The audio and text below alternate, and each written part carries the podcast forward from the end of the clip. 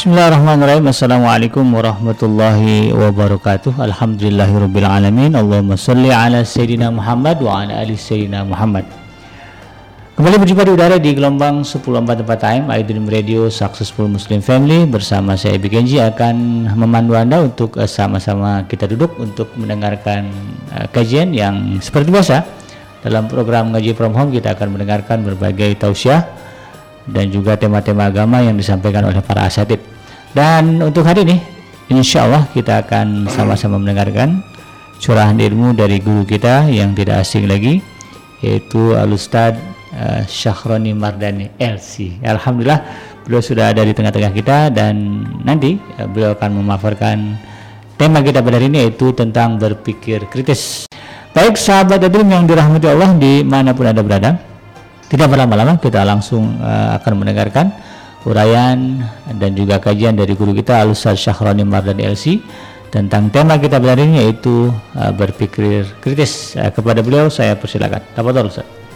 Baik, bismillahirrahmanirrahim. Assalamualaikum warahmatullahi wabarakatuh.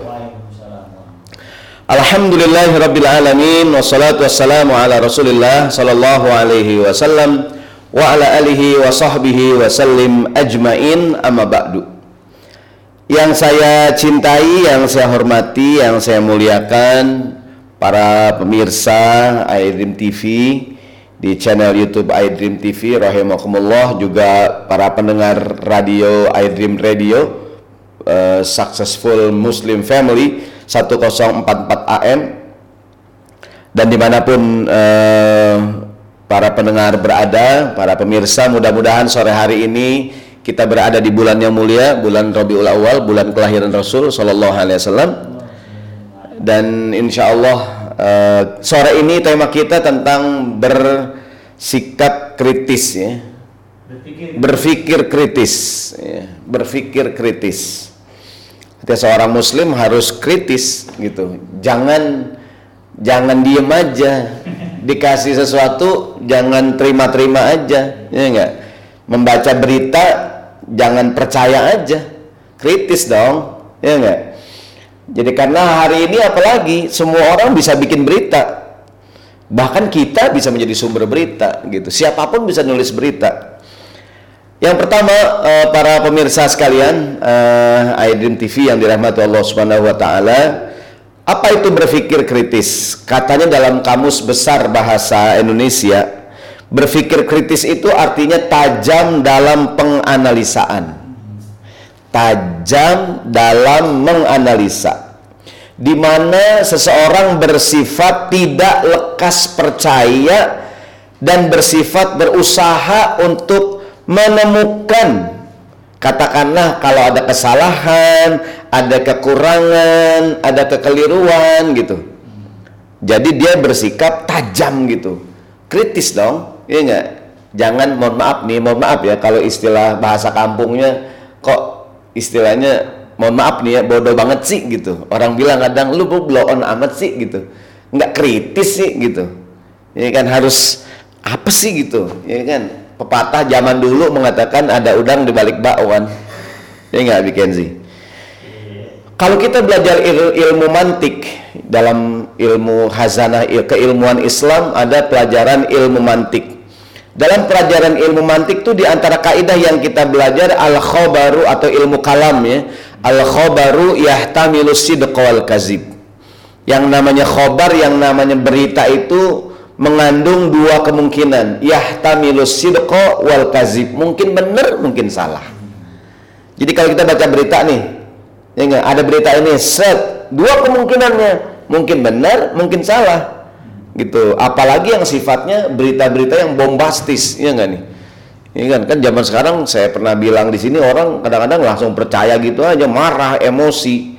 Pak Haji mau naik pesawat. Pak Haji di atas pesawat nggak boleh doa. Aja macam-macam loh Pak Haji di atas pesawat nggak boleh. Kalau di dalam pesawat nggak apa-apa ya kan jatuh di atas pesawat ya enggak tuh? Kritis dong Pak Haji oh iya gitu iya, iya. Saya nggak ngerti gitu. Uh, jadi yang pertama itu tuh jadi kaidah ingat al khabaru yahtamilu sidqa wal kazib. Kenapa kita harus kritis? Karena berita itu mengandung dua kemungkinan.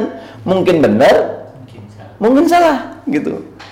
Mungkin mungkin dia benar mungkin salah. Ustadz Ustadz antum baca berita nggak tat? Ada berita kata begini benar nggak sih tat? Allah alam mungkin benar mungkin salah gitu gitu nah di dalam Islam juga bahkan di dalam Al-Quran ada arahan dari Allah Subhanahu Wa Taala agar jangan kita mengikuti sesuatu yang nggak jelas yang kita nggak tahu ilmunya pemirsa dan pendengar iDream Radio iDream TV ini jadi kalau nggak jelas jangan diikutin kritis, jangan ikut-ikutan. Dalam Al-Quran Allah berfirman di surat Al-Isra ayat 36.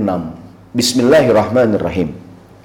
Wala takfu ma laysa laka bihi ilmun. Inna sam'a wal basara wal fuada kullu ulaika kana anhu mas'ula. Janganlah kamu mengikuti yang kamu tidak punya pengetahuan. Iya, tentang itu Sesungguhnya pendengaran, penglihatan dan semuanya nih hati kita akan dimintakan pertanggungan jawab oleh Allah Subhanahu wa taala. Jadi tidak semua yang kita dengar itu benar, tidak semua yang kita lihat juga itu benar. Jadi mungkin benar, mungkin salah. Perasaan hati kita nih, ini kayaknya orang nggak beres nih. Itu kan perasaan kita. Kadang orang ustad itu orang munafik tad. Ente tuh dari lihat aja tad mukanya. Lah emang kenapa mukanya? Iya enggak? Hati itu urusan Allah. Jadi jangan jangan kita istilahnya sekedar mendengar langsung kita menjas gitu. Sekedar melihat karena kadang-kadang yang terlihat belum tentu seperti yang sebenarnya. Hmm. Betul nggak nih? Betul. Ingat tidak semua yang kuning itu emas. ya kan ada juga yang lain. Ya enggak? Jadi Allah yang mengatakan wala takfu ma laisa laka ilmun. Jangan kamu ikutin yang kamu nggak tahu. Gitu, main ikut-ikutan aja. Ya enggak? Jadi kadang kita kan ada cerita tuh. Ada orang Arab lagi mandiin onta. Lagi mandiin onta. Orang lewat. Wan, jam berapa Wan? Dia nunduk dikit. Jam 4 katanya. Kok dia orang tahu ya? Dia penasaran yang nanya nih, dia balik lagi. Tak lama kemudian, Wan, jam berapa Wan? Dia nunduk lagi jam 4 oh, enggak dia mohon maaf ya dia lagi mana dia mohon maaf nih itu titik onta digoyangin gitu kan dari belakang nih onta itu barangnya onta digoyangin jam 4 tak lama lewat lagi jam berapa wan digoyangin tuh barangnya onta 4 lewat 15 bener tuh. Ya enggak dia lewat lagi perasaan dia. Sekarang jam berapa wan? Ini nunduk lagi tuh. Itu burung onta tuh onta. Titiknya digoyang lagi. Hampir jam 5 kok bisa gitu? Oh, ilmu apa nih? Ini kayaknya orang bukan orang biasa nih. Luar biasa ya nggak punya indera keenam. Kenapa bisa tahuan? Enggak di ujung ada jam namanya. Kalingan. Kalingan barangnya onta. Di, digeser dikit kelihatan. Oh saya kita dia punya indera keenam ternyata gitu jadi kan jangan kritis dong kita ya enggak kan ada tuh orang nonton nonton bola nonton TV nonton pertunjukan di televisi itu nggak semuanya bener ya enggak dulu kan ada Smackdown Sampai sekarang orang debat itu Smackdown itu serius sama bercanda tuh. Itu masih debat tuh. Ya enggak? Seperti orang berdebat makan bubur diaduk apa enggak? Itu orang berdebat sampai sekarang. Ya kan orang masih percaya Smackdown itu kan serius. Iya. Kagak bang, dia bohong-bohongan, ente kritis dong nonton nah begitu tuh. Jadi Allah mengatakan jangan ikutin sesuatu yang kamu tidak ada ilmunya, tanya dulu, ya, jangan ikut-ikutan. Dalam sebuah hadis Rasulullah mengatakan la takunu imma'atan. Jangan jadi orang yang ikut-ikutan. In ahsanan nasu ahsanta. Orang berbuat baik, kamu baik. Wa in asa'u asa'ta. Kalau orang nggak baik, kamu juga nggak baik. Maksudnya gini, jangan sampai ikut-ikutan. Kita kan ikut-ikutan nih. Lagi rame, orang masang behel, semuanya behel. Ya nggak tuh? Nggak tahu dia buat apaan tuh behel gitu. Anak ABG ABG kagak ngerti. Yang penting nggak tren aja behel. Mobil yang asli mahal sejuta setengah masang behel. Akhirnya beli kawat toko material. Pasang sendiri pada rontok giginya. Ini nggak tuh? Jangan ikut ikutan anak perempuan nih gadis-gadis ya nggak pada pakai krim pemutih muka gitu ya. Jangan ikut ikutan gitu. Berikutnya sekarang bagaimana caranya agar kita berpikir kritis gitu ini kan langkahnya. Ustadz, kalau kita pengen kritis, apa yang harus kita lakukan? Yang pertama, e, berpikir kritis itu di antara langkahnya bertanyalah kalau tidak faham. Kalau nggak faham, kalau nggak ngerti, kalau ragu-ragu, tanya. Orang bertanya itu ciri orang yang kritis. Ciri kritis itu adalah orang bertanya gitu. Jadi kalau orang nanya nggak apa-apa, mungkin dia emang kritis gitu. Saya kadang kalau mau ngajar, Ustadz, antum ntar ngajar di kantor kami, Ustadz, iya. Tapi Ustadz, orang-orang di kantor orang yang kritis-kritis, Ustadz. Ya kan dia kalau nggak tahu nanya, lah iya lah bang itu biasanya bang gitu ya nggak. Masa nggak tahu dia diem aja, gitu. Bahkan bertanya itu perintah Quran, perintah Allah. Allah dalam Al-Quran mengatakan di surat An-Nahl ayat 43 Bismillahirrahmanirrahim Fas'alu ahla dzikri in kuntum la ta'lamun. Bertanyalah ahlu dzikri sama dengan ahlul ilmi. Tanya kepada orang yang tahu kalau kamu nggak tahu gitu. Jadi jangan kita terima-terimanya kritis dong ada berita gitu. Ini kan kritis. Hari ini kan banyak hoax ya enggak ini kan saya tadi pagi baru uh, dapat kan dua hari ini ada orang yang nge-share semenjak ada kerusuhan di bukan kerusuhan ya ini ada penghinaan dari presiden Prancis Macron ya kan? Kan katanya muslim di Eropa juga nggak nyaman gitu. Itu ada video tersebar digambarkan di video itu dengan teks pokoknya muslimah di Prancis dianiaya gitu. Ada gambarnya seorang perempuan di kantor polisi kelihatan pakai seperti pakai jilbab tuh dibanting katanya gitu Padahal ternyata itu adalah seorang nggak jelas dia muslim atau bukan, dia pakai jaket yang begitu tuh. Oh, gitu. Jaket begitu, kemudian nggak tahu ini bukan dan bukan di Prancis katanya saya baru dengar. Memang mungkin yang jelas bahwa sejak ada kerusuhan, sejak ada penghinaan terhadap Nabi, umat Islam di Eropa nggak nyaman. Tapi kemudian ada video mungkin nggak ada ada orang yang kadang ingin apa ya bikin kita provokasi. Ntar nanti begini berita yang benar jadi kecampur sama yang nggak benar gitu. Maka maksud saya kalau ada sesuatu yang eh, apalagi yang heboh jangan kita langsung terimanya kritis dulu. Hmm. lihat ini benar nggak gitu. Jangan sampai kita bertindak untuk sebuah sumber berita yang tidak benar gitu. Maka yang pertama ngapain tanya orang yang kritis itu cirinya bertanya. Tadi Allah mengatakan fasalu ahla dzikri in kuntum la ta'lamun. Tanya sama orang yang tahu kalau kamu nggak tahu gitu. Bahkan para ulama mengatakan as-su'alu nisful ilmi. Bertanya itu setengah dari ilmu. Orang yang ngerti nanya gitu. Orang yang nggak nanya mungkin ngerti mungkin bingung Bang nanya bang, tak gue sangkain blow on lagi. Nggak apa-apa justru, justru bang orang yang nanya tuh orang yang ngerti nanya. Coba ada pameran komputer. Kan kalau yang paham nanya nih komputer apa pak ini pak kekuatannya mesinnya itu kan prosesornya. Coba kalau nggak ngerti, itu mungkin ngerti mungkin bingung gitu. Jadi nanya nggak apa-apa. Ya kan as-su'alu nisful ilmi was-su'alu nisful fahmi Bertanya itu setengah dari ilmu dan bertanya itu setengah dari pemahaman. Orang yang paham nanya gitu. Jadi jangan kita ntar kalau aneh nanya sangkain ini lagi, sangkain nggak ngerti. Justru kalau orang ngerti bertanya. Baik, eh, saudaraku sekalian yang dirahmati Allah Subhanahu wa taala, kritis itu cirinya bertanya. Kalau tidak tahu nanya. Kalau ragu-ragu nanya, jangan langsung bersikap kritis dulu dah. Karena mungkin salah paham. Ada seorang sahabat di zaman Nabi Shallallahu Alaihi Wasallam. Allahumma sholli sallim alaih ya kan mungkin pernah dengar ceritanya ini sahabat ikut berjuang berjihad. Singkat cerita kemudian pahalanya bocor.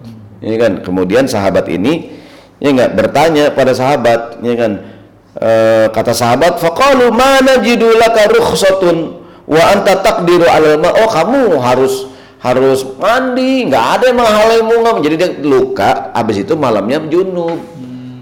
Mimpi.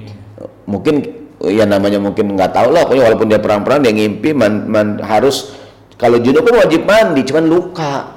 Dia nanya sama sahabat yang lain aku kalau nggak mandi? Oh enggak nggak ada alasan nanti harus mandi. Singkat cerita fakta salah dia mandi famata kemudian meninggal dunia terdengarlah berita ini falamma qadima alan nabi qadimna alan nabi sallallahu alaihi wasallam akhirnya pas sahabat pulang ke kota Madinah ketemu nabi diceritain. Ya enggak? Apa kata nabi? Qataluhu qatalahumullah ala sa'alu idza lam ya'lamu. Kata nabi ya Allah kalian membunuh dia. Kalau nggak tahu nanya dulu kata nabi. Kalau ragu-ragu jangan ngasih fatwa aja. Ya enggak? Kita kan kalau nggak tahu mendingan diem.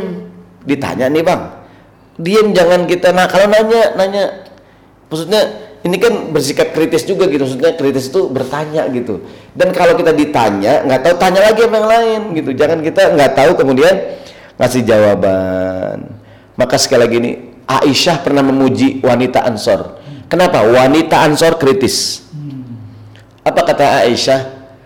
Qalat qalat kata Aisyah radhiyallahu anha ni'man nisa nisa al ansor lam yakun yamna'uhunnal haya'a haya'u ayyatafaqqahna fid din.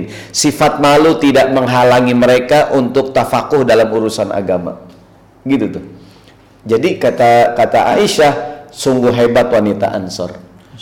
Ya, untuk urusan ilmu dia nggak malu, kritis nanya sama Nabi. Awal ceritanya begini. Ada seorang uh, wanita, ya kan kata Ummu Salamah bercerita, "Ja'at Ummu Sulaim." Imra'atu Abu Talha Ummu Sulaimi istrinya Abu Talha. Ketemu Nabi Shallallahu Alaihi Wasallam. Ya enggak? Begitu ketemu Nabi Shallallahu Alaihi Wasallam dia bertanya ya Rasulullah Allah la yastahi minal haq ya Rasulullah kalau untuk kebaikan kita kan gak usah malu-malu ya Nabi. Benar.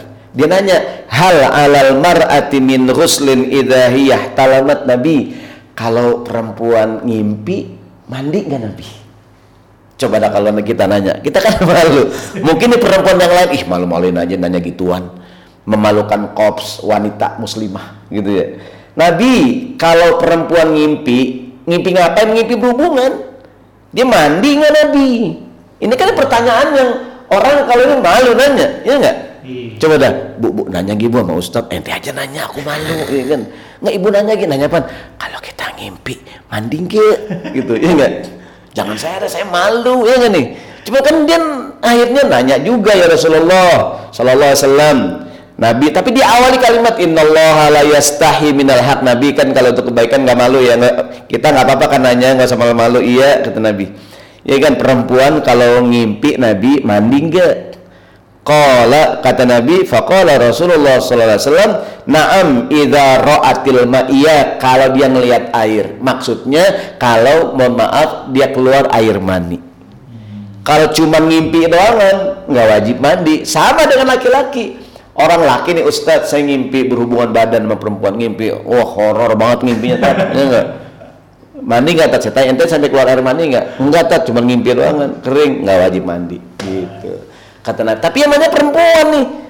Jangan kan zaman dulu zaman sekarang dah coba ada pengajian. Akhwat. Ya kan nih? Ada nanya Ustadz Assalamualaikum. Salam gitu kan Ustadz apakah oh, langsung tuh semasjid geger. Uh, ya, ya. tapi betul lah kata Aisyah nggak apa-apa perempuan Ansor kata Aisyah kritis. Mereka kalau buat ilmu nggak malu-malu buat nanya gitu. Maka para akhwat di pengajian pengapa apa kritis? Nanya gitu. Artinya orang yang bertanya itu pertama menunjukkan kritis yang kedua nggak apa-apa bahkan bertanya bagian daripada ilmu. Bahkan ada ulama bilang begini walaupun kita tahu satu masalah boleh kita bertanya. Ustadz kan kita tahu. Kok nanya? Bertanya bukan untuk kita. Mungkin untuk jamaah lain. Mana dalilnya? Jibril. Ada hadis hadis Jibril. Ingat nggak ceritanya ketika satu hari yang cerita Sayyidina Umar Ibn Khattab radhiyallahu anhu.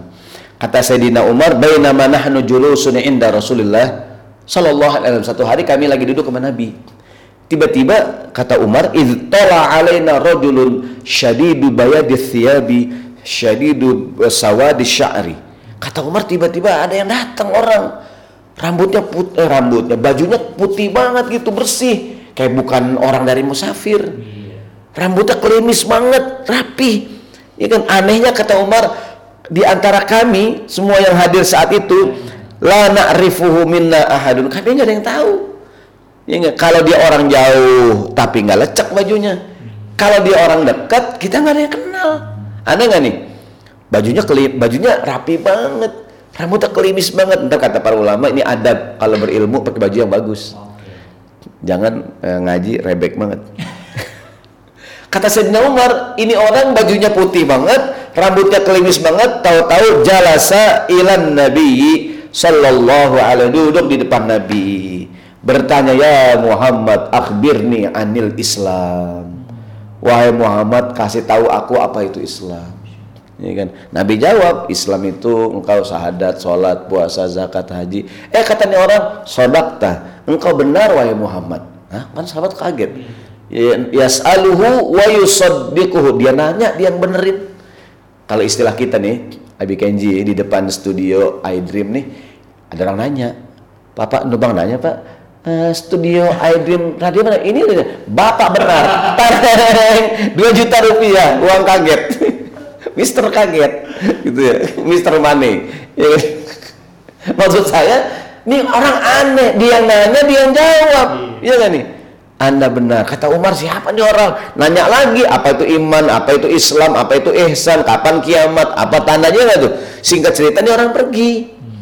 Ini orang pergi. Kemudian Nabi tanya tahu nggak yang barusan siapa? Kata Umar nggak ada yang tahu kita. Allah dan Rasul lebih tahu kata Nabi innahu Jibril. Atakum yu'allimukum dinakum. Jibril datang barusan ngajarin agama buat kalian. Apa hubungan dengan kritis? Orang kritis tuh nanya gitu sahabat tuh suka nanya sama Nabi. Tadi termasuk Jibril ngajar. Kata, kata para ulama Jibril ketemu Nabi bertanya tentang Islam. Apa itu Islam? Apa itu iman? Tapi tujuan Jibril nanya ngapain? Ngajarin sahabat. Maka kata para ulama kita boleh nanya walaupun kita tahu. Mungkin buat kita, bukan buat kita, buat siapa? Oh, orang lain. Buat yang lain. Mungkin kok Ustadz kok perkara penting nggak dijelasin. Ih, lupa Padahal bagus nih. Aneh nanya dah supaya Ustadz menjelaskan gitu. Ya kan? Jangan orang nanya pertanyaan enteng. Jangan kita bilang ya ini orang cemen amat pertanyaannya. ya Cemen amat sih pertanyaan. Hah? Ya, gitu aja, gitu aja ditanyain, ya enggak? Mungkin bukan buat dia, buat yang lain gitu. Jadi saya ulangi, jadi ciri orang yang kritis saya tanya, pernah Nabi Muhammad SAW di, di naik ke mimbar, tiap naik tangga Nabi bilang amin, naik lagi amin, naik lagi amin. Yang cerita sahabat Jabir bin Abdullah. Pas Nabi turun, Nabi tanya, eh, Nabi turun, Jabir nanya Nabi, kok barusan engkau tiap naik anak tangga amin, naik lagi amin, naik lagi amin. Ada apa Nabi? Nabi jelaskan tadi Jibril datang kepadaku. Tapi apa pelajaran sahabat tuh kalau nggak tahu ngapain? Nanya. Nanya kritis. Jangan kita diam aja gitu, kritis, ya? Nanya gitu. Jadi eh, sahabat begitu tuh.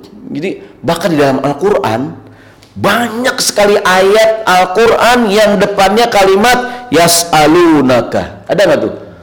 mereka bertanya kepadamu Muhammad. Berarti kan sahabat bertanya, yas'alunaka anil ahillah, yas'alunaka anis syahril harami kitalin fi. Surat Al-Baqarah 217, yas'alunaka anil khamri wal maisir.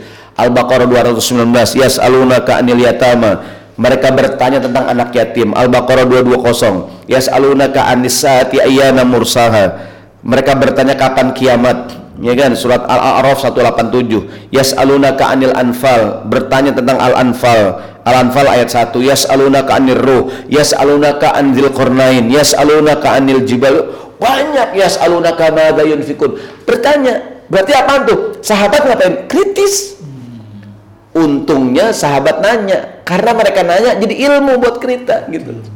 Jadi sahabat juga nggak mentang-mentang ini nabi langsung terima nanya juga. Nanya juga gitu. Ya kan nanya juga. Jadi eh, jangan disangka orang Islam itu nggak kritis banget. Langsung dikasih apa namanya eh, di doktrin doktrinnya nggak? Dia nggak eh, doktrin doktrin yang enggak orang Islam itu nanya. Sahabat juga nanya ya kan mereka Muslim mereka juga nanya menabi maka di Quran banyak ayat yang depannya yes alunaka ciri orang yang kritis pertama ngapain bertanya bertanya Ya, jadi kalau ragu-ragu, kalau bingung nih kritis, nah, kritis dong tanya gitu. Nanya itu baik, tapi jangan kebanyakan nanya. Hmm. Ini dia nih. Atau jangan nanya yang nggak penting. Ada orang kadang nanya, ada tetangga tuh nanya ibu-ibu, Ustad, tetangga saya jalan-jalan tat, apa hukumnya? Saya saya nggak diajak tat, apa hukumnya? tetangga saya jalan-jalan tat, saya nggak diajak, apa hukumnya? Saya bilang nggak ada hukumnya bu, itu ibu lagi apa saja. segala gituan ditanya. Ingat tapi kan zaman sekarang orang apa jadi tanya ya nggak tuh tapi mungkin tapi gitu ada orang nanya enteng jangan kita bilang ya Allah ginian ditanya tapi mungkin dia nggak tahu gitu. Iya. saya kadang pengajian nih kita ngomongin ekonomi Islam perbankan Islam asuransi ayo silakan forum tanya jawab Ya begitu nanya kan, Ustaz tolong jelasin yang membatalkan wudhu. Ya elah, gue udah kadang-kadang saya ngomong ini ekonomi Islam, ya gak? Tapi yang ditanya wudhu, jangan saya meremehkan. Ya Allah, gue udah ngomong tinggi banget, ya enggak? Maksudnya ya ya nggak apa-apa gitu. Jangan jangan meremehkan ya Allah. Udah kita ngomongin masalah politik dunia global dunia dalam rangka reformasi ya nih? Macron ya gak? Prancis. Eh nanyanya gimana Ustadz? Kalau kita lagi puasa kita kentut di air tat lagi berenang batal nggak? Beneran nanya tuh. Kita lagi puasa Ustadz kita berenang buang angin dalam bat saya bilang ente ngapain lagi puasa berenang ya nggak? Kalau puasa sama ngaji sama hatam Quran ya tapi begitulah orang nanya biarin gitu. Dia kritis gitu. tapi an- walaupun anehnya gini kita ngomongin apaan ya ngomongin apaan nih? Nggak apa-apa nanya tuh bagus. Asal jangan nanya yang berlebihan. Dalam sebuah hadis kata Nabi termasuk yang kurang baik kasrotus soal kebanyakan nanya gitu. Atau nanya surat eh, Al-Maidah 101 ada ayat ya ayyuhalladzina amanu la tas'alu an asya'a in tubdalakum tasukum jangan nanya yang kalau dikasih jawaban kamu jadi susah Nah, intinya gitu lah ya. Jadi waktu itu Nabi bilang pergi haji setiap, setiap tahun Nabi, setiap tahun Nabi, ya kan? Ya kata Nabi kalau aku bilang iya jadi repot gitu. Ya. Intinya orang yang kritis itu cirinya ngapain? Bertanya. Jadi eh, kritis lah. Jadi kalau ada terutama saat kita ragu-ragu gitu, ragu-ragu ini benar apa enggak gitu kan? Eh, ini hoax apa apa bener kenyataan gitu ya. Kalau kita kritis tanya. Dan sekali lagi jangan kita meremehkan orang yang tapi juga perlu diingat bertanya juga ada waktunya. Ya kan? Saya mohon maaf ya, ini kata para ulama Nabi Musa belajar sama Hidir. Sejak awal kan Hidir bilang, kalau ada yang aneh sabar. Jangan nanya. Kan dari awal dibilangin tuh. Nanti saatnya aku kasih tahu. Tapi kan Nabi Musa dalam perjalanan gitu. Nah, Walaupun Nabi Musa mungkin juga mungkin kan nanya wajar orang anak kapal dibolongin. Kan kapal orang. Kok dibolongin? Kan udah dibilang jangan nanya gitu. Oh, iya, ya enggak. Terus eh, jalan lagi ada anak kecil dibunuh, Musa nanya lagi kan udah bilang jangan nanya. Artinya gini pelajaran dari kisah Musa tuh nanya ada waktunya gitu. Ya enggak? Ntar juga kita mau nanya nih, ntar ada sesi tanya. Kita belum kita nahan kan? Eh pas kita nggak nanya, ustadznya ngejelasin. Untung aneh belum nanya, gitu, ya enggak? Jadi siapa tahu emang belum belum dijelaskan. Udah selesai ceramah, bab forum tanya jawab ada nggak nih? Ah, kalau yang belum dijelasin kita tanya. Ini belum kelar ngomong udah nanya. Ah, akhirnya gitu. Jadi itu tuh, jadi itu penting juga. Ya. Tadi saya katakan saking eh, di, di Quran diabadikan tuh kalimat ayat Quran yang depannya yas'alunaka yas'alunaka mereka bertanya kepadamu. Ini puluhan ayat menandakan apa? Menandakan bahwa sahabat tuh kritis. Jadi kadang-kadang kan orang bilang orang Islam nggak kritis banget. Pokoknya orang kalau udah Islam nggak kritis aja dah. Dia jadi didoktrin, didoktrin. Oh enggak, nanya, nanya gitu. Bahkan dalam banyak peristiwa sahabat nanya Rasulullah ketika perang Badar, Nabi bilang markas kita di sini. Nabi nanya, "Ini firman Allah eh, perintah Tuhan atau pendapat engkau?" Enggak, ini pendapat aku. Nabi, kalau pendapat kamu jangan di sini mending majuan dikit. Jadi kritis sahabat juga gitu. Eh, baik, yang kedua, yang kedua sikap kritis itu yang pertama kan bertanya, yang kedua sikap kritis ditandai dengan seorang melakukan tabayun alias klarifikasi pada satu hal yang meragukan gitu. Nah, Jadi eh, walaupun nanti bentuk bentuk tabayun dengan cara bertanya, tapi yang kedua tabayun. Tabayun itu bisa jadi kalau dia kok gambar mencurigakan nih, jangan percaya sekali zoom zoom zoom zoom zoom zoom zoom, oh ternyata ah, itu tabayun. Ini enggak. Ada berita Ustadz Fulan katanya begini, ada fotonya. Pas deketin, saya tahu bukan dia nih. Oh ternyata ini editan, ya enggak? Tabayun. Kan ada pakar telematika. Dia tahu ini foto-foto betulan, ini foto-foto editan. Ada nggak? Ya zaman sekarang editan foto kayak asli. Iya enggak? Iya kan? Kita sekarang nggak usah eh, jalan-jalan ke Amerika kalau cuman pengen foto di patung Liberty. Iya enggak? Cari di internet gambar patung Liberty, foto ditempelin aja. Mirip banget. Kan orang kadang-kadang ke Singapura pengen foto di patung singa tuh. Iya enggak? Karena gak usah ke sana bisa. Cari aja tuh gambar patung singa yang lagi mangap keluar mancur. ya enggak? Kita foto begini nah, ya kan tempelin. Bisa nggak? Bisa. Ya, maksud saya tabayyun. Allah berfirman dalam Al-Qur'an, "Ya ayyuhalladzina amanu in ja'akum fasikum binaba'in fatabayyanu." Wahai orang yang beriman, kalau datang orang fasik kepadamu bawa berita, tabayyun. Hari ini yang fasik bukan cuma orang, media. Medianya fasik. Ya enggak? Sekarang lembaganya gitu. Dari mana informasinya? Ya enggak? Mungkin dari situs apa namanya? Situs gosip. Ya enggak tuh? Ya kan? Lambe apa dah? Lambe-lambe itu. Ya enggak? ya kan? Jadi ngapain kita saya tanya Ustadz, saya dengar berita, ente dari mana beritanya? Ada tuh Tat, dari situs, apa situsnya? Titik titik titik dot com. Ya ente gituan dipercaya ya enggak? Tabayun dulu kritis dong. Ya enggak? Jadi eh, kadang-kadang apa ya eh, kritis gitu. Bahwa kalau ada orang dikasih penghargaan siapa yang ngasih penghargaan? Lembaga ini tat ya lembaga itu memang temennya. Ya enggak? Ustadz ada pemimpin ini dapat penghargaan dari negara ini. Mana negaranya? Itu. Ya cuma negara temennya ya enggak? Jadi kritis gitu. Gini kalau kita dipuji orang yang muji teman sendiri. Itu mah istilahnya bukan prestasi. Dalam kalimat syair dikatakan wal fadlu ma syahidat bihil a'da'u. Yang keren itu kalau yang ngakuin kehebatan kita musuh kita. Wal fadlu ma syahidat bihil a'da'u. Saya dengan Abu Kenji teman. Antum bilang Ustaz Saroni keren banget dah. Itu pujian terima kasih tapi mungkin biasa. Teman kita Ya Ada kompetitor, kompetitor kita mengatakan, wah dia hebat, begitu. Maka kehebatan Nabi Muhammad diakui oleh musuhnya. Wal fadlu ma syahidat bihil a'da'u. Keutamaan adalah manakala kehebatan kita diakui oleh musuh kita. Saya kemarin dengar cerita ya, ada orang nge-share. Itu Abu Jahal, kan orang yang paling benci Nabi ini yang yang nge-share teman saya nih. Walaupun perlu klarifikasi lagi ya, perlu kritis dong. Kata teman saya itu dia, dia dia bilang ada riwayat Abu Jahal waktu masih hidup tiap ketemu Nabi nutupin mukanya. Nutupin, kenapa Abu Jahal nutupin muka? Aku takut jatuh cinta sama Nabi. Begitu katanya.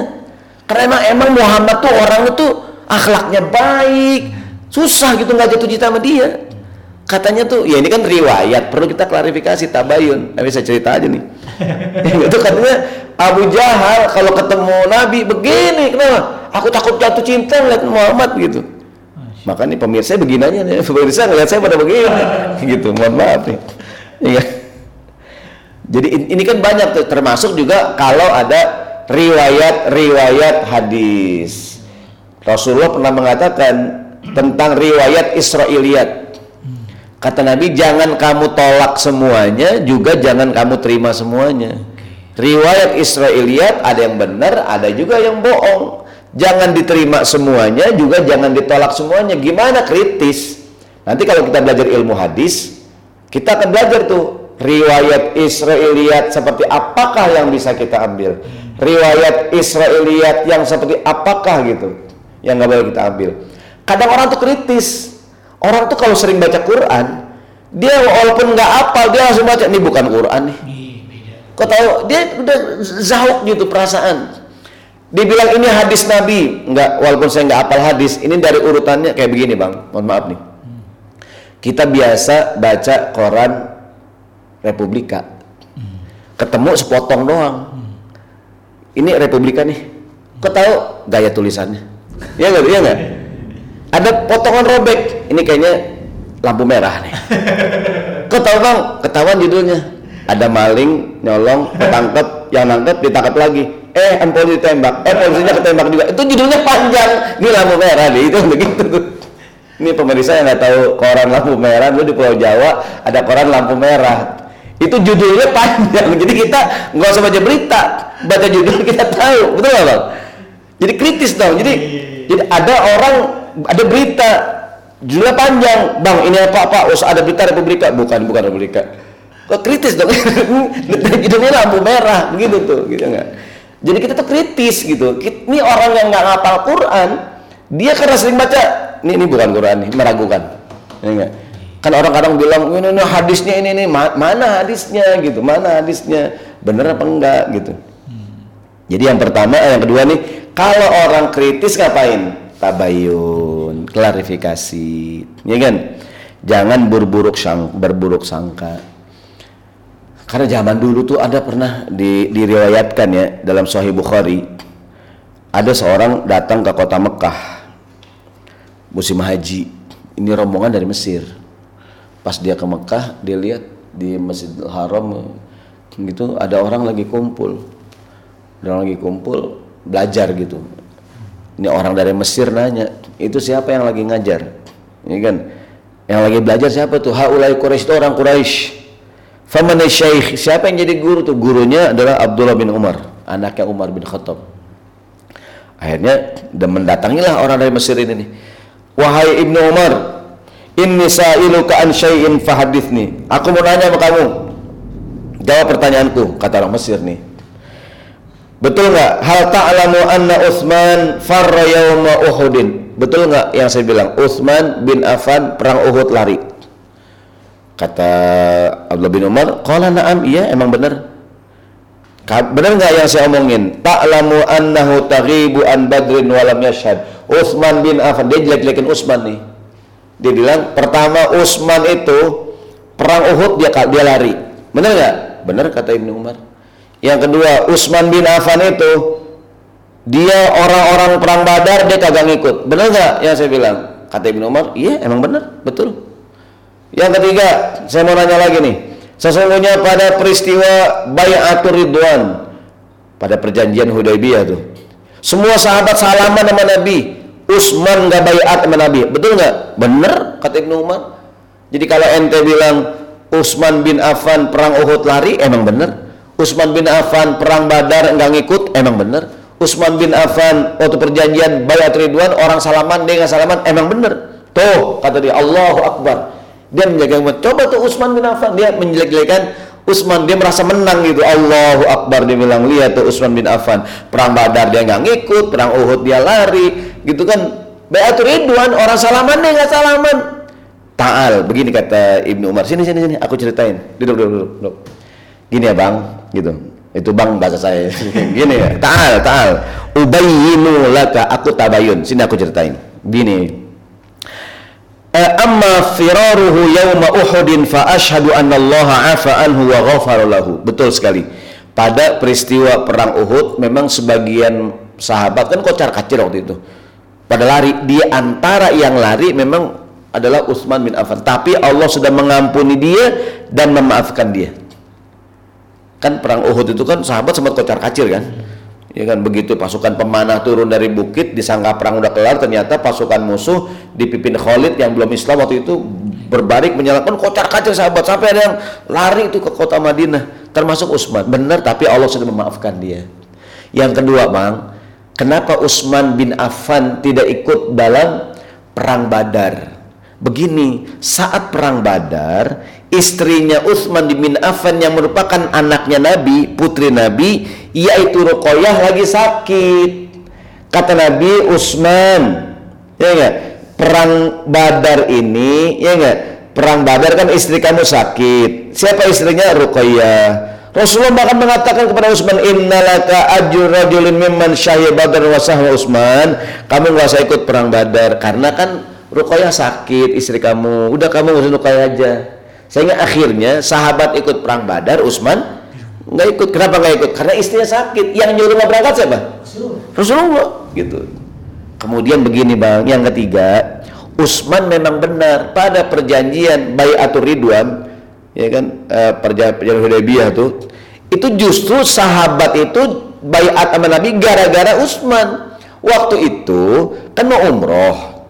Kan nggak boleh mau orang kafir Quraisy akhirnya Nabi nyuruh Utsman pertama nyuruh Umar Umar coba kamu pergi ke Mekah. Negosiasi dengan orang Quraisy. Siapa tahu kita bisa bisa apa namanya bisa umroh. Kata Umar ya Rasulullah aku bukannya takut Nabi. Tapi aku di Mekah tuh udah gak punya saudara. Kalau saya ngomong nggak dengerin. Menurut aku kata Umar yang pantas ngomong Utsman kalau Utsman di Mekah masih banyak saudaranya. Dan Utsman itu dihormatin di Mekah masih dihormatin sepakatlah Utsman yang berangkat beberapa waktu dikirim sehari dua hari tiga hari nggak pulang-pulang Utsman muncul berita Utsman dibunuh. Wah, kata Nabi kumpul semua kumpul. Baik, ada berita kata Utsman dibunuh. Ternyata nanti enggak. Ternyata Bang Utsman ditawan, bahkan Umar Utsman disawarkan untuk dia umroh. Um, Utsman nggak mau. Tapi kan isu di luar Utsman ditawan, bahkan dibunuh. Kata Nabi, ayo semua sekarang salaman. Jangan ada yang kabur. Semua bayat sumpah setia, jangan ada yang pulang. Semua salaman dengan Nabi. Utsman salaman nggak? Kenapa nggak salaman? Justru salaman gara-gara Usman gitu. Ya kan? Inilah pentingnya klarifikasi kritis gitu. Kita kan kadang-kadang ente tahu nggak? Ustaz Saroni anaknya nggak boleh pakai jilbab. Yang benar lu. Kenapa? Anaknya laki. Iya. Iya, anaknya laki. Iya gitu ya. Anaknya laki masa boleh pakai jilbab. Emang benar saya ngelarang anak saya pakai jilbab karena anak saya laki gitu. Kita kan kadang-kadang Sosaroni dia ngelarang anaknya pakai jilbab. Anaknya namanya ternyata Hasan. Namanya Umar masa pakai jilbab ya enggak? Gitu. Ini kadang-kadang kita tuh buru emosi ya enggak nih? Emosi ya enggak? Ya kan? Baik kita kembali Hadirin yang dirahmati Allah Subhanahu wa taala, pemirsa hadirin nah, pemirsa Air Dream TV dan Air Dream Radio yang di mana berada, baik ciri orang yang eh, apa namanya kritis ngapain? tabayun. Pernah satu malam Rasulullah SAW pulang, Nabi itikaf kan. Nabi itikaf istrinya bernama Sofia ke masjid ngantar makanan. Istrinya sayang sama Nabi. Nabi itikaf di bawah apa? Makanan. Kalau kita kan belum tentu. kita kan belum tentu. Ini Nabi lagi itikaf, istrinya datang bawain makanan. Karena udah malam, Nabi anterin pulang. Lewat tempat gelap. Lewat tempat gelap ketemu dua orang sahabat Ansor. Ngelihat Nabi jalan berdua dengan perempuan tempat gelap. Ini dua orang Ansor merasa wah Nabi sama siapa tuh? Gitu. Langsung buang muka apa pernah lihat gitu. Kayak kita kan? Mungkin ada jamaah ngelihat saya di mall. Wah sasaran ini memang perempuan siapa tuh? Dari istri saya benar iya cuma kan kita nggak enak ya gitu kan Nabi panggil sini ta'al ala rislikum kalian sini berdua Kata Nabi, Innaha Sofi ini Sofia istri aku kata Nabi. Oh maaf Nabi, aku kira siapa? Kenapa kalian aku panggil? Aku takut kalian punya persangka yang tidak-tidak gitu. Maka tuh orang tuh kritis siapa nih ya? Siapa ya? Jangan kita langsung foto. Cekrek. Langsung update, up update dah, update. Ya enggak? Langsung ini dia berjalan dengan wanita. Ternyata istrinya. Ya enggak tuh? Ya enggak? Jadi kritis dong, Bro. Lu jangan percaya-percaya aja berita. Ya enggak? Jangan suzon sama orang ya ayyuhalladzina amanu jtanibu katsiran minaz-zanni inna ba'daz-zanni ismun. Jangan kita suuzon. Kebanyakan suuzon adalah dosa. Jangan suka menyebarkan berita yang belum jelas. Ya enggak? Innal ladzina yuhibbuna an tashi'al fahisha fil ladzina amanu lahum adzabun alimun fid dunya wal akhirah. Wallahu ya'lamu wa antum la ta'lamun. Janganlah wahai orang yang beriman maaf orang-orang yang senang menyebarkan berita keji di kalangan orang yang beriman mendapatkan siksa di dunia dan di akhirat. Surat An-Nur ayat 19 oleh karena itu kritislah. Jadi kita dapat berita nih. Pertama bener nggak berita nih kritis nih. Ini, ini dari gambarnya kayaknya edit editan. Begitu. Editan nih editan. Nih gitu gitu. Jangan langsung percaya aja. Ya pertama sebelum nge-share pastikan apakah berita itu benar. Kritis. Yang kedua apakah saya sudah mengkonfirmasi kebenaran berita? Bisa jadi videonya benar tapi apa namanya nih cap captionnya yang salah gitu. Apa namanya itu tulisannya ya kan ada ada video ada komen yang ngaco beritanya benar gitu. Yang ketiga ini fakta atau prasangka atau hoax ya nggak tuh? Kemudian kalau berita ini benar apakah perlu disebarkan? Kritis dong ini kira-kira jadi timbul masalah nggak gitu? Aneh aneh sangkain nggak apa-apa kali. Aneh sebarin aja ente akhir di sini orang sini. Kalau ente nyebarin bahasa gitu ribut orang kritis dong jadi orang ya kalau kita sebar ada nggak orang yang tersakiti? Apakah berita ini membawa kebaikan? Atau jangan-jangan menyulut permusuhan? Jadi walaupun beritanya benar videonya benar apakah emang perlu kita share? Ya enggak? Kalau cuma isinya hinaan, mending usah. Tapi kalau fitnah boleh dah klarifikasi gitu. Ya kan banyak lah kadang-kadang tuh. Ya nggak orang langsung marah-marah. Saya kadang bilang di pengajian bapak-bapak, ibu-ibu, sholat tuh urusan pribadi. Maka kita nggak boleh nyuruh-nyuruh orang sholat, nggak boleh. Orang sholat nih, kita suruh, iya, bang ke warung gimana? Nggak boleh ya, boleh nggak? Nggak boleh. Masa orang kita suruh, nggak boleh. Itu orang Betawi suka ngomong paling enak makan di restoran Padang. Nasinya nggak dihitung. Iya kalau itu kan lama. Lama. Kapan makan kita? Iya tuh? Iya begitu. Kan ada orang Betawi bilang kita kalau kebanyakan ngopi ntar tuanya jelek. Iya nggak? Ngopi juga jelek udah tua ya gitu. Banyak dah iya kadang seperti kadang saya bilang banyak Pak jangan lupa Pak besok hari Sabtu Pak. Ada apa Pak ya ya kagak besok kan hari Sabtu nih hari Jumat hari ini. Besok hari Sabtu nggak ada apa nggak bilangin dong kan.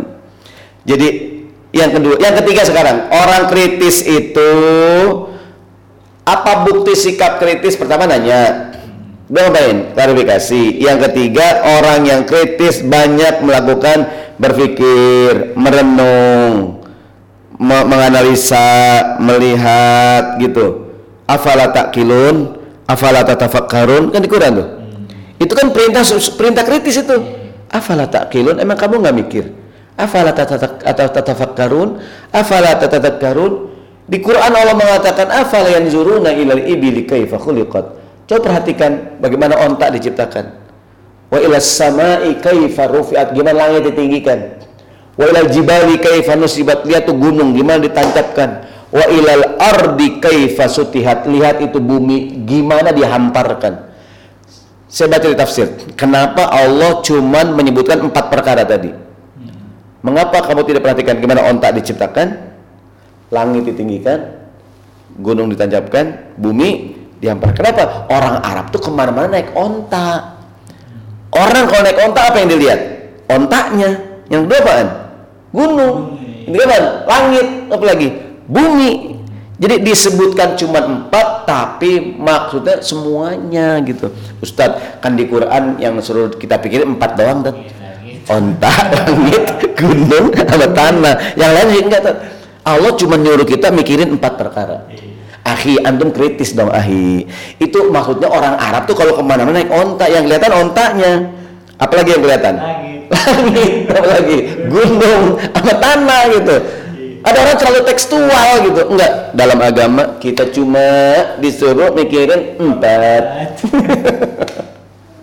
Akhi antum kritis dong. Itu maksudnya yang kelihatan emang orang Arab itu empat itu gitu padahal saya semuanya pikirin gitu cuman kalau orang Arab zaman itu seperti kenapa ada ulama mengatakan kenapa Allah menggambarkan surga itu taman sungai karena gini padahal surga itu kata Nabi mata nggak pernah lihat kuping apa segala kenikmatan ada di surga. Kenapa Allah menggambarkan surga sebagai taman, sungai, kebun? Orang Arab itu tinggal di padang pasir. Gambaran yang paling indah apa? Ada pohon, ada sungai mengalir, ada bunga, bidadari. Itu begitu. Padahal surga itu lebih lebih dari itu. Iya kan? Dan memang bisa jadi surga itu ada sungai, ada taman, tapi Jangan kita nggak ustad kalau surga cuma ada surga juga ke puncak aja tuh nggak usah ke surga gitu.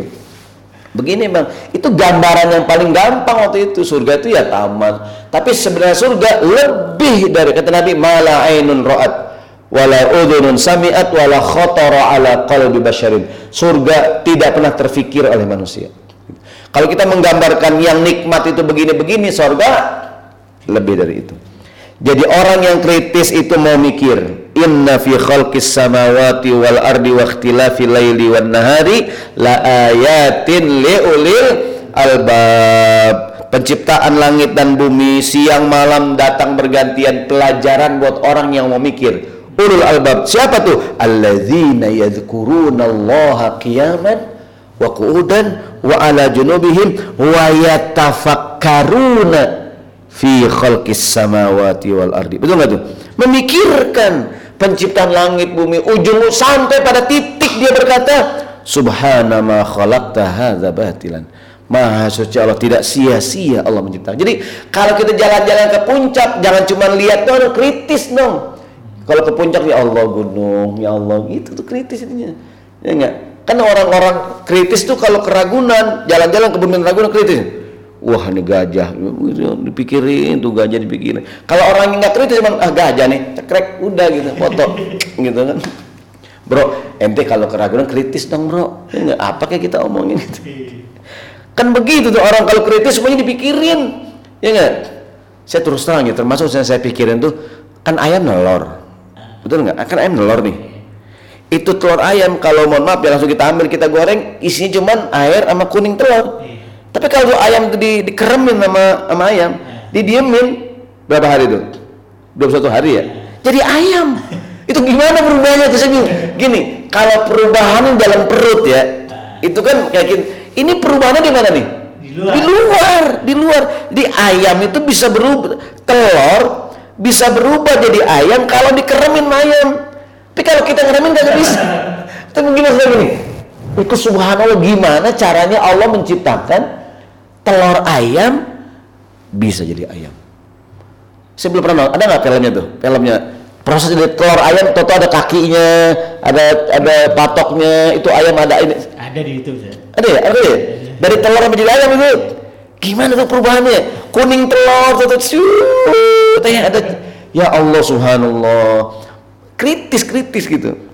Orang tuh kalau kritis makan di restoran lama dilihatin tuh ayam, lihatin tuh ayam. Keburu tutup.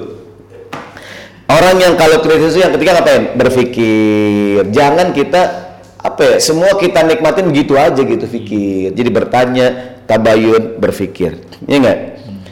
Nah, tapi begini, eh, kan Ustadz, ini mohon maaf ya, ini sebelum kita tutup nih, kita bawa tanya, tanya jawab habis ini, kritis juga ada adabnya.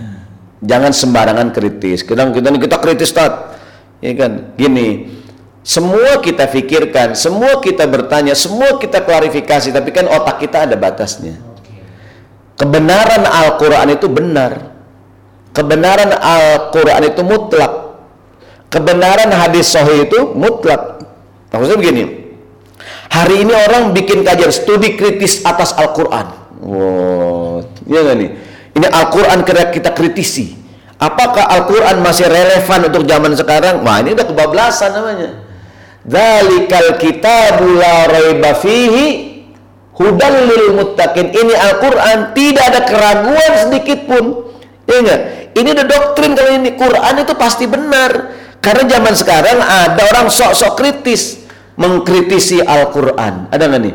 Ini Quran udah tidak sesuai dengan zaman. Banyak ayat-ayat yang perlu direvisi. Uh, ada nggak yang begitu tuh? Dengan alasan kritis. Ini orang orientalis begitu. Dengan alasan studi kritis atas hadis Nabi. Abu Hurairah, dia kan Islamnya belakangan. Tapi kenapa kok dia paling banyak meriwayatkan hadis Pikir dong, gitu dia bilang. Kan harusnya yang paling banyak siapa? Abu Bakar. Iya, Umar. Umar kan dia yang belum Islam. Kenapa Abu Hurairah yang Islam belakangan? Dia nggak belajar. Ternyata Abu Hurairah itu radhiyallahu anhu, walaupun Islamnya belakangan di Madinah, tapi emang sepanjang umurnya nemenin Nabi, belajar sama Nabi gitu. Tapi gini kita paham tujuannya. Kenapa orang mengorek-ngorek Abu Hurairah? Kebanyakan hadis itu hadsohi riwayat Abu Hurairah. Kalau riwayat beliau diragukan, maka diragukanlah ajaran Islam. Kenapa? Karena banyak hadis sohi riwayat Abu Hurairah.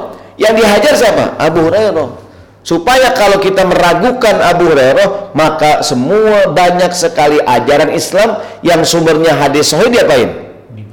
Diragukan. Kenapa? Kita meragukan itu gigit ujung-ujungnya begitu mereka alasannya apa studi kritis atas Al-Quran studi kritis atas hadis tapi maka yang pertama adab dalam bersikap kritis adab yang pertama adalah niat yang ikhlas Jangan sampai kita kritis niatnya menjatuhkan orang. Anak kalau dengan ceramah dia anak kritis. So, tapi tujuannya bukan mencari kebenaran, menjatuhkan. Ada nggak nih? Jadi pertama kalau kita ingin bersikap kritis niatnya ikhlas karena Allah. Yang kedua tujuannya mencari kebenaran bukan mencari-cari kesalahan orang lain. Saat kita kritis mungkin dalam bentuk mengkritik ya, mengkritik orang lain gunakan kalimat yang baik, gunakan cara yang sopan. Kemudian berhentilah kita saat berhadapan dengan Al-Quran dan hadis yang sahih. Maksudnya kebenaran Al-Quran itu mutlak. Ini masalah keimanan. Dalikal kitabu la raiba fihi hudal lil muttaqin. Yang lain boleh kita ragukan. Kalau Al-Qur'an Allah yang jamin. Dalikal kitabu la raiba fihi hudal lil muttaqin. Gitu. Ini masalahnya kembali kepada apa? Keimanan.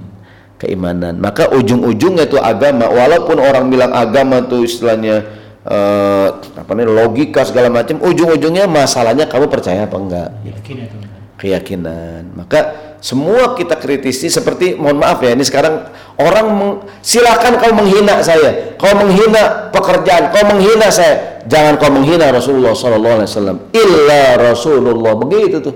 Sekarang kan illa Rasulullah Sallallahu Alaihi Wasallam Islam silakan kamu hina saya silakan kamu hina fisik saya silakan kamu hina pekerjaan saya tapi jangan kamu hina Nabi saya jadi ada batasan gitu ya Kritis juga sama, ya kan? Semua kita kritisi, tapi berhadapan dengan Al-Qur'an yang benar Allah ngasih tahu, "Dzalikal kitabu la raiba fihi hudalil muttaqin." Quran itu kebenarannya mutlak gitu.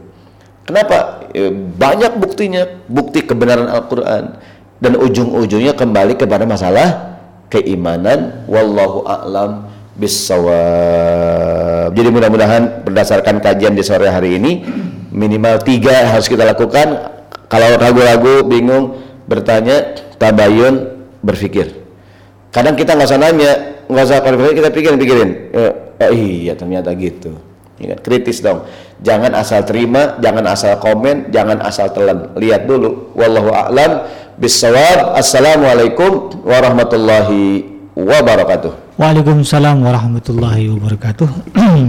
Jazakumullah harus atas segala uraian dan pembahasan terkait dengan tema kita pada hari ini yaitu berpikir kritis dan tadi sudah digolaikan oleh guru kita uh, tentang kriteria ya orang-orang yang berpikir kritis. Kemudian juga tadi ada contoh-contoh di zaman Rasulullah SAW dan juga ada adab yang tadi beliau terangkan ya terkait dengan uh, bagaimana kita menempatkan uh, apa namanya berpikir berpikir kritis itu. Karena kalau kita tidak menggunakan adab ya maka ini akan menjadi masalah Baik Ustaz, ini sudah ada pertanyaan dari jemaah kita dan alhamdulillah ini cukup banyak yang menyaksikan kita secara live di kesempatan hari ini. Pertanyaan pertama dari uh, akun atas nama Adi Cahyadi. Tanya Ustaz, nah, bagaimana caranya berpikir kritis ini tidak uh, kemudian menjerumuskan kita menjadi suzon hmm. Uh, dan juga tidak terkesan meremehkan orang lain yang kita kritisi misalnya yeah. kita tanya guru tad uh, hmm. kalau misalnya atau mungkin orang tua kita gitu karena kan orang tua kalau anak yang nanya bawaannya emosi ya kira-kira gimana Ustaz? Ya baik, Bismillahirrahmanirrahim. Jazakumullah khair uh, uh, kepada Pak Adi Cahyadi ya. Iya. Jadi begini betul sekali mungkin di bagian akhir yang tadi saya sampaikan bahwa ketika kita kritis juga ada adabnya. Mm-hmm. Di antara adabnya bahwa apa tuh gunakan kalimat yang baik, gunakan cara yang sopan. Zaman sekarang contoh nih ada orang mengatakan begini, Imam Syafi'i itu manusia, kita juga manusia. Mm. Dia makan nasi, kita makan nasi, mm. begitu. Kalau dia apa, kita juga apa Quran, boleh dong kita. Ah itu kurang adab. ya, ya. Maksudnya begini orang tuh zaman sekarang sombong yang mengatakan uh, apa ya uh, mengkritisi begini mengkritisi begitu mungkin bagus sekali pertanyaan dari Pak Adi ini sikap yang pertama tadi tuh ini ikhlas niatnya karena Allah okay. tujuannya ingin mencari kebenaran bukan hmm. ingin mengorek-ngorek kesalahan yang kedua kalau dilakukan dengan kalimat yang baik dengan hmm. cara yang baik insya Allah orang gitu tidak jadi masalah tidak pernah saya satu hari saya pernah sholat waktu itu. Sholat zuhur empat rakaat. Rakaat terakhir eh, saya ketika duduk gitu ya kan harusnya kaki kita tuh eh, kaki kita kan begini kan? jari, jari. Eh, jarinya. Saya bilang begini kaki waktu itu sholat. Ada seorang yang menegur saya mohon maaf pak. Lagi sakit pak kakinya pak. Oh enggak enggak. Maaf ya pak. Kalau nggak salah kita kalau sholat tuh kak jarinya gini pak jangan begini. Oh iya terima kasih gitu. dan mungkin teguran dia pun benar. Saya ya ya nggak apa-apa gitu. Saya pun nggak nggak tersinggung karena dia juga gitu. Benar bapak bahasanya. bapak eh, sakit pak? Enggak enggak gitu. Apakah bapak gitu. Belum makan? Gitu. apa? Enggak enggak apa-apa. Kenapa pak? Ini enggak tadi bapak sholat harusnya. Ah, saya ya terima kasih pak gitu. Masya Allah. Eh, dia dia mengingatkan saya gitu kan tapi dengan cara begitu ma'ruf. mengkritis pernah juga waktu itu saya mengajar di satu tempat ada tempat di kampus lah saya lupa di kampus A lah gitu ya saya bilang kalau kita sholat lupa itu sujud sahwi bacanya menurut para ulama yang kita pelajari subhanalladzi man la yanamu Mulai Yesus. wa la ada yang katakan "Pak Ustaz mana dalilnya Doanya itu. baca itu. Iya nggak? Kenapa Ustadz mesti baca subhanalladzi man layanamu wa layasu? Saya bilang pertama, selama ini yang saya tahu dari buku-buku fikih, mana bu? Saya bilang kan nggak mungkin juga saya ngajar semua buku saya bawa gitu ya kan. Tapi saya bilang nanti selalu saya eh, silakan hubungi nomor telepon saya, saya saya akan cari sumbernya gitu. Yang kedua saya bilang kalau kita nggak baca itu juga nggak apa-apa. Bapak diem aja juga nggak apa-apa. Bapak bilang subhana rabbiyal a'la wa bihamdi nggak apa-apa juga. Diem aja enggak sujud sahwi juga nggak apa-apa. Gitu. Sunnah. Nah, iya, nah, saya saya bilang terima kasih. Cuman waktu itu menurut catatan buat saya adalah caranya menegur saya menurut pendapat saya kurang kurang elok gitu. iya. Mana? Eh, yang kedua juga saya pernah waktu itu sholat saya jadi imam sholat isya memang betul dalam kitab eh, At-Tibyan eh, ulum tentang adab-adab berinteraksi dengan Al-Quran Imam Nawawi itu di dalam adab-adab membaca Quran ada aturan kita tuh kalau sholat membaca Quran satu surat lengkap walaupun pendek lebih utama dibandingkan baca Qurannya sepotong-potong Di surat yang panjang. Katakanlah surat rokat pertama saya baca Al-Baqarah 1 sampai 5. Rokat kedua 6 sampai 10. Lebih afdol saya baca rokat pertama waduha, rokat kedua wad- satu surat habis. Iya. Kecuali kalau saya imam yang terus-terusan. Hmm. Perlama-lama hatam, betul nggak? Iya, iya jadi nyambung. Nah, nah kebetulan saya di saya acara, pokoknya acara Hari Besar Islam. Saya datang pas Isya, saya jadi imam. Saya kebetulan bacanya potong-potong. Rokat pertama ini, rokat kedua saya potong-potong gitu. Nah setelah itu sambutan dari ustadz lokal, eh, ustadz yang guru tetap. Dia bilang sebenarnya kita kalau sholat itu yang afdal adalah membaca satu surat penuh walaupun pendek daripada kita jadi imam tapi bacanya sepotong-sepotong itu kan saya tahu minum saya gitu tapi kenapa di gitu? kenapa nggak bilang mungkin dia kritis kan tapi kenapa nggak bilang saya langsung gitu Alasannya apa gitu Ya, kan? emang benar gini. Kecuali kalau itu pun gini, yang saya lakukan juga nggak salah, cuma memang lebih afdol saya bacanya satu surat habis. Ah, Surat pertama ini habis habis. Kecuali kayak Masjidil Haram kan imamnya kan dia bacanya Terus, ya. sampai lama-lama hatam gitu kan, lama-lama hatam. Tapi sayangnya menurut saya Ustadz ini menegur saya, dikritis kan di podium. Sebenarnya kalau jadi imam itu saya bilang saya pulang aja nggak jadi ceramah. Mohon maaf kira demikian. Jadi ada adabnya. Wallahualam bishawab. Iya, iya. Jadi memang eh, tidak sembarangan ya, Ustaz ya, berondo gitu kan. Nah, jadi itu pengalaman pribadi. Iya pengalaman pribadi. Kadang-kadang sikap kritis itu baik tapi ya mohon maaf ya ada ada hal ya ada ada adab-adabnya lah. Mohon maaf ya, Iya, mohon maaf iya, saya. iya. Jadi eh, ya kita juga secara pribadi mm, kalau digitukan orang pasti juga tersinggung kan. Makanya Hmm. apa yang eh, kita rasa menyakiti diri kita jangan dilakukan kepada orang. Ya Hmm. begitulah paling dasar ya. Baik Ustaz, eh, terima kasih mudah-mudahan bisa dipahami nih oleh Pak Adi Cahyadi. Nah, ini sebuah pertanyaan yang eh, bagus. Pertanyaan berikutnya Ustaz ini dari Ya. akun atas nama Ibu Ratna Kartika. ini jamaah tetap kita Ustaz. Eh, kurang lebih pertanyaan begini, seandainya ada sebuah berita, berita itu kontennya em, menurut kita bagus, bagus dalam artian mungkin membuat kita besar hati, gembira itu kan. Ada berita bagus. iya berita bagus misalnya ada berita eh, di YouTube Hmm. anaknya Yosbus bersahadat perempuan kan bagus tuh alhamdulillah. Hmm. Tapi itu berita belum tentu benar. Atau kita masih, masih ragu nih, ini berita ini benar nggak nih gitu. Hmm, iya. Tapi berita ini membesarkan hati kita itu. Kita menyikapinya gimana Ustaz? Yang terbaru misalnya kayak ada foto eh, Habib Al Jufri katanya kan di, di- disebut orang salaman sama pen- eh, pembuat kartun eh, yang melecehkan Nabi Muhammad. Padahal ternyata eh, belum nggak benar juga itu. Walaupun satu sisi message-nya itu menunjukkan ahlak Rasulullah gitu kan. Nah ini kira-kira kita menyikapinya seperti apa Ustaz? Ya, Bismillahirrahmanirrahim. Baik kembali, eh, kalau ada sesuatu yang sifatnya tadi itu eh, meragukan, Hmm. pertama tahanlah setengah jam, tahan satu jam. Nanti biasanya ada klarifikasi dah. Oh, Pokoknya kalau kita dapat berita yang agak aneh nih, masuk ke handphone. tahan aja dulu. Tapi dapat berita nih, ada ada berita ini, tahanlah setengah jam dah. Kemungkinan akan ada klarifikasinya. Atau kalaupun nge-share, nggak usah kita nge-share, orang aja yang nge-share. Karena biasanya sesuatu yang viral itu orang banyak yang nge-share. Iya. daripada kita yang nge-share jadi masalah Iya. biarin orang aja maksudnya gini, bukan saya nyuruh orang maksudnya tahan tahan lah apalagi ragu-ragu ya Iya. ingat gini mendingan kita menyesal karena tidak berbuat daripada kita menyesal karena salah gitu Iya kan? gimana istilahnya itu kita berbuat eh, salah gitu kan jadi fatal gitu jadi saya menyesal kenapa saya nggak share.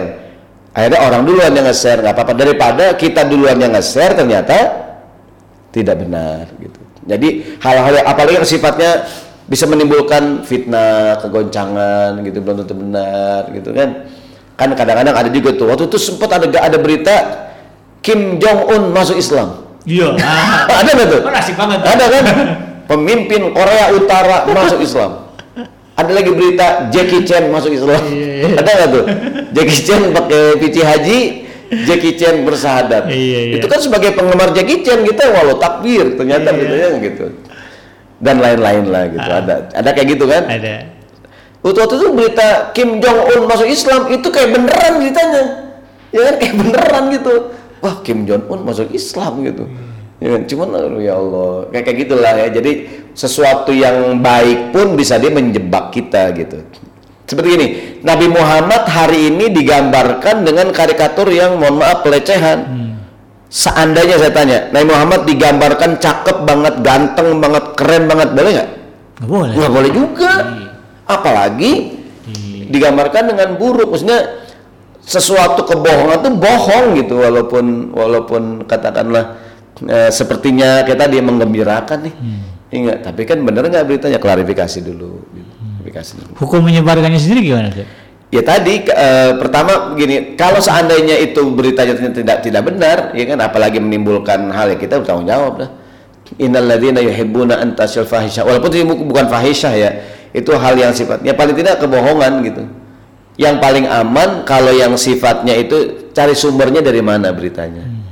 Kan biasanya dengan melihat sumbernya kita langsung bisa mengatakan nih kayaknya nggak beres nih gitu.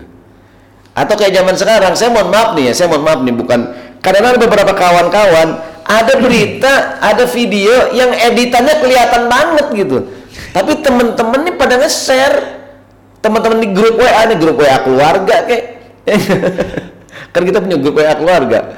Ya nggak kadang grup alumni SD Iya. ada nggak nih? Teman-teman alumni SD teman-teman alumni SMP ada nggak tuh? Ada. kita bilang ya ini orang video gini di share dia apa nih editan gitu. Udah itu serius banget gitu. Ya kan? Iya. jadi orang apa ya sekedar ngelihat aja aneh gitu. Maka lebih aman adalah udah tahan dulu tahan.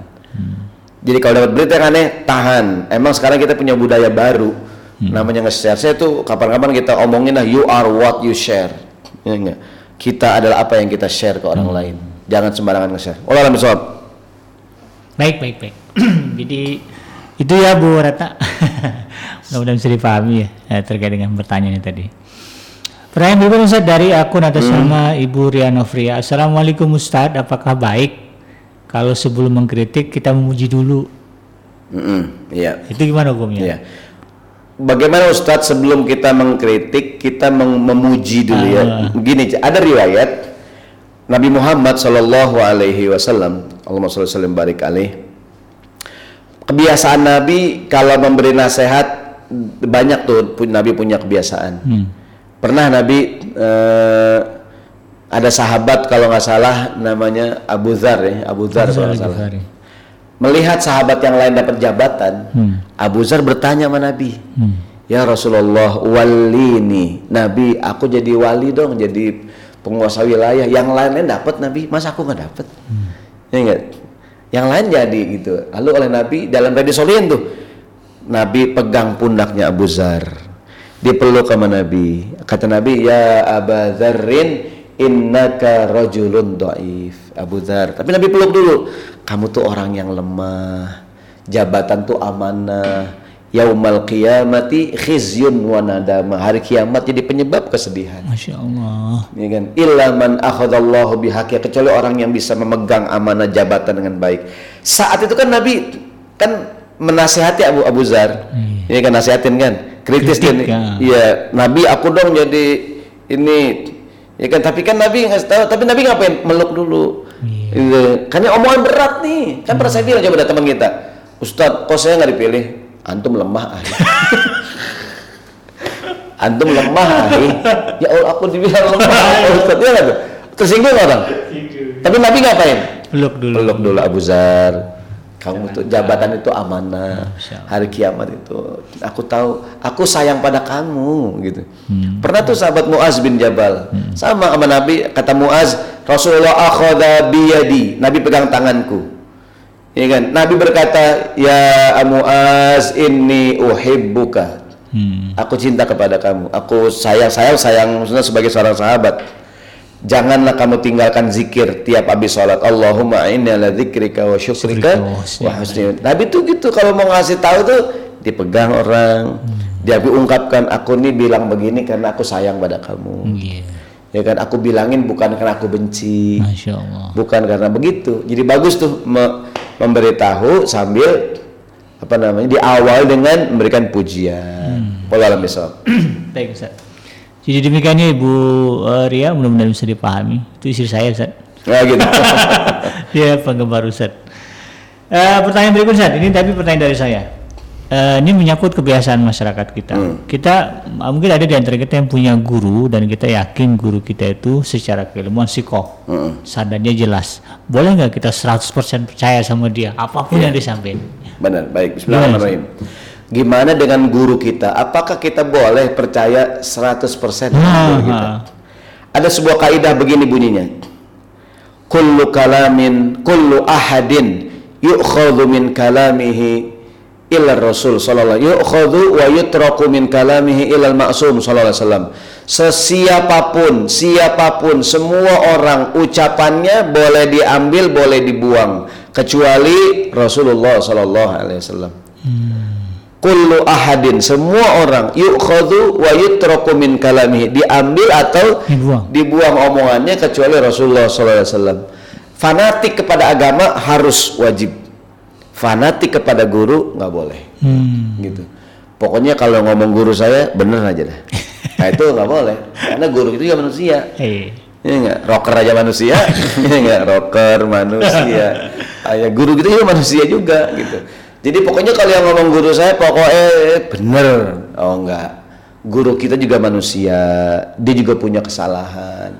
Ya kan? Jadi enggak eh, perlu klarifikasi juga, bener enggak gitu. Saya dapat dari dari suami saya Pak Ustadz, saya sikoh sama suami saya, Bu. Suami ibu bukan malaikat. ya enggak? Pasti ada kekurangan, pasti ada kesalahannya. Iya. Saya dengar dari istri saya Pak Ustadz, Pak, istri Bapak juga bukan bidadari, pasti ada kekurangan. Betul nggak? Kan orang pokoknya kalau yang ngomong suami saya, saya percaya. Saya sikoh banget sama suami saya. Iya bagus sih ibu sikoh gitu. Cuman kalau yang sifatnya kayaknya meragukan boleh juga nanya gitu. Ya, Jadi eh, percaya 100% jangan tadi yang karena yang berita itu mungkin benar, mungkin salah gitu. Bener nggak gitu. Jadi eh, meskipun dari guru kita yang kita kita hormati guru kita. Inilah kalau di pengajian sering dibilang tuh kalau oleh Pak Ustadz yang bagus-bagus ambil, yang jelek-jelek tinggalkan. Begitu pulang ngaji, sendal yang cakep-cakep hilang. Yang jelek-jelek ditinggal.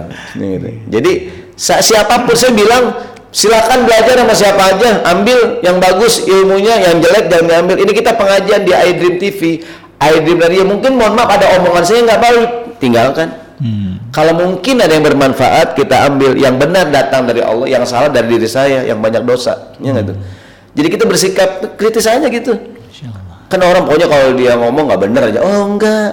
Ya enggak. Unzur maqala wala tanzur man. qala. Lihatlah konten ucapannya jangan sekedar melihat siapa yang berbicara gitu.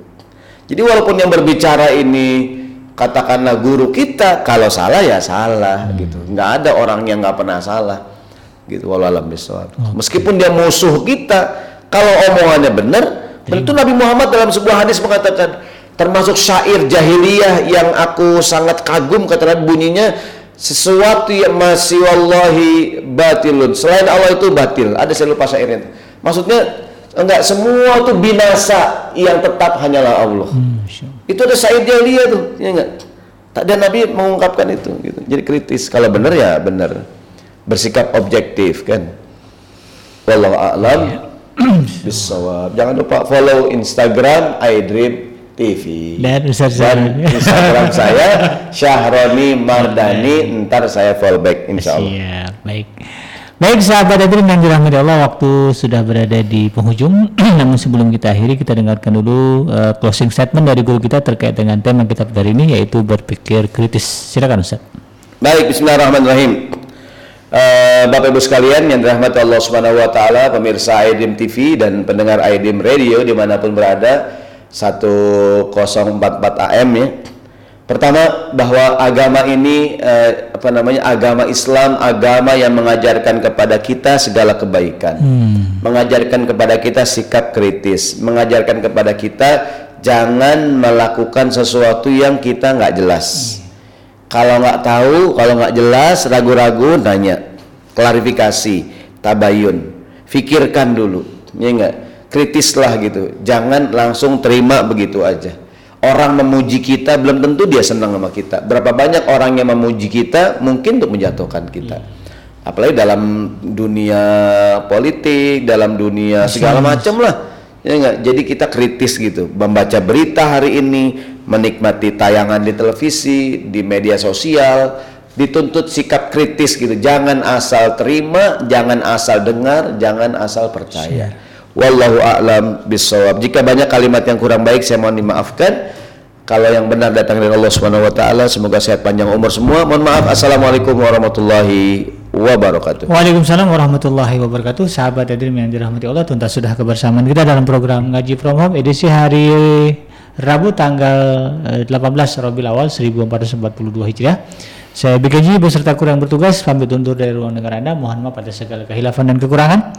Subhanaka Allahumma rabbana wa bihamdika asyhadu an la ilaha illa anta astaghfiruka wa atubu ilaik. Bila itu Assalamualaikum warahmatullahi wabarakatuh.